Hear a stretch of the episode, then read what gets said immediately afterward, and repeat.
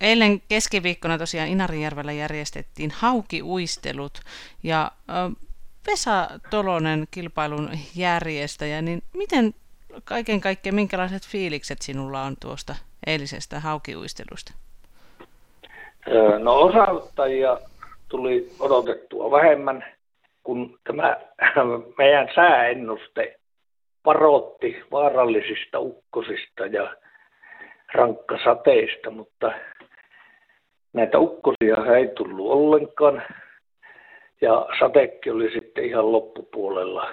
Kävi semmoisia kunnon kuuroja. Eli 13 venettä lähti ja siinä on ollut semmoinen noin 20, ehkä vähän vajaa ollut aikaisempina vuosina. Mutta tuo säävaihtelu oli semmoinen, että kala tuli ihan kohtalaisesti tai aika hyvinkin. Tuota, jos kuudessa tunnissa 13 venettä sai 160 haukia, niin on se aika hyvä saalis, että siinä kolme parasta venettä sai noin 30 haukia siinä kuuden tunnin aikana. Eli tota, mitä siinä tulee viisi haukia tunnissa. Sehän kuulostaa jo aika isolta saalilta, niin kuin 30 haukea kuudessa tunnissa, niin siinä on ollut tuota, ekspertit liikkeellä. Oh, ja tämä on tehty nyt tuota, näiden taimenen poikasten hyväksi, eli autetaan niitä vähän pääsemään sieltä Ivalojoista järveen kasvamaan. Ja on siinä aika monen pujottelu, kun tuostakin saatti 160 pois, niin kuin paljon sinne vielä jäi, paljon enempi. Mm. Ja, tuota, ja tuo oli vain tuommoinen kuuden tunnin kalastus.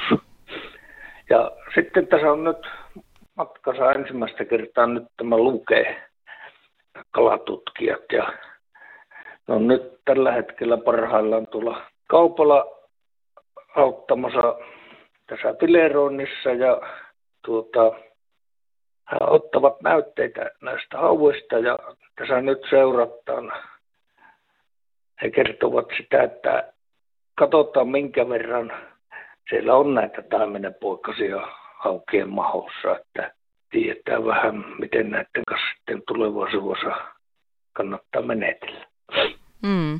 Eli tosiaan tämä haukikilpailu oli myöskin osa tämmöistä hoitokalastusta ja nyt sitten tulevaisuudessa Luke tulee tutkimaan näitä haukia enemmän tai ottamaan tämmöisiä näytteitä. Mutta mitä itse Vesa Tolonen toivot, että tulevaisuudessa tulisi lukee esimerkiksi tai muut inarilaiset tai Inarijärven kulkijat, miten tämä tila, haukitilanne tulisi ottaa huomioon?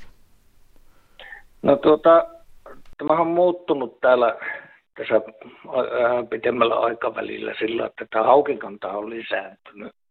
Ja täällä on vähän paikalliset niin vähän vietty tuota haukia jänkäkoirana, että ei syyä, mutta tämä on nyt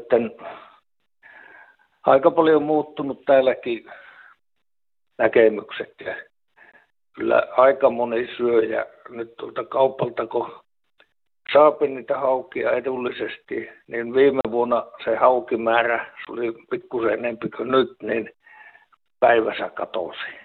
Ja kyllä se kelpasi paikallisille ja turisteille. Niin, itse minä on, tuota, tykkään eniten hauesta, kun tekee niitä kalapullia. Ja varsinkin talvella, kun on pyydetty, niin niistä minä kyllä ottanut kaikki talteen ja kalapullia niistä on tehty.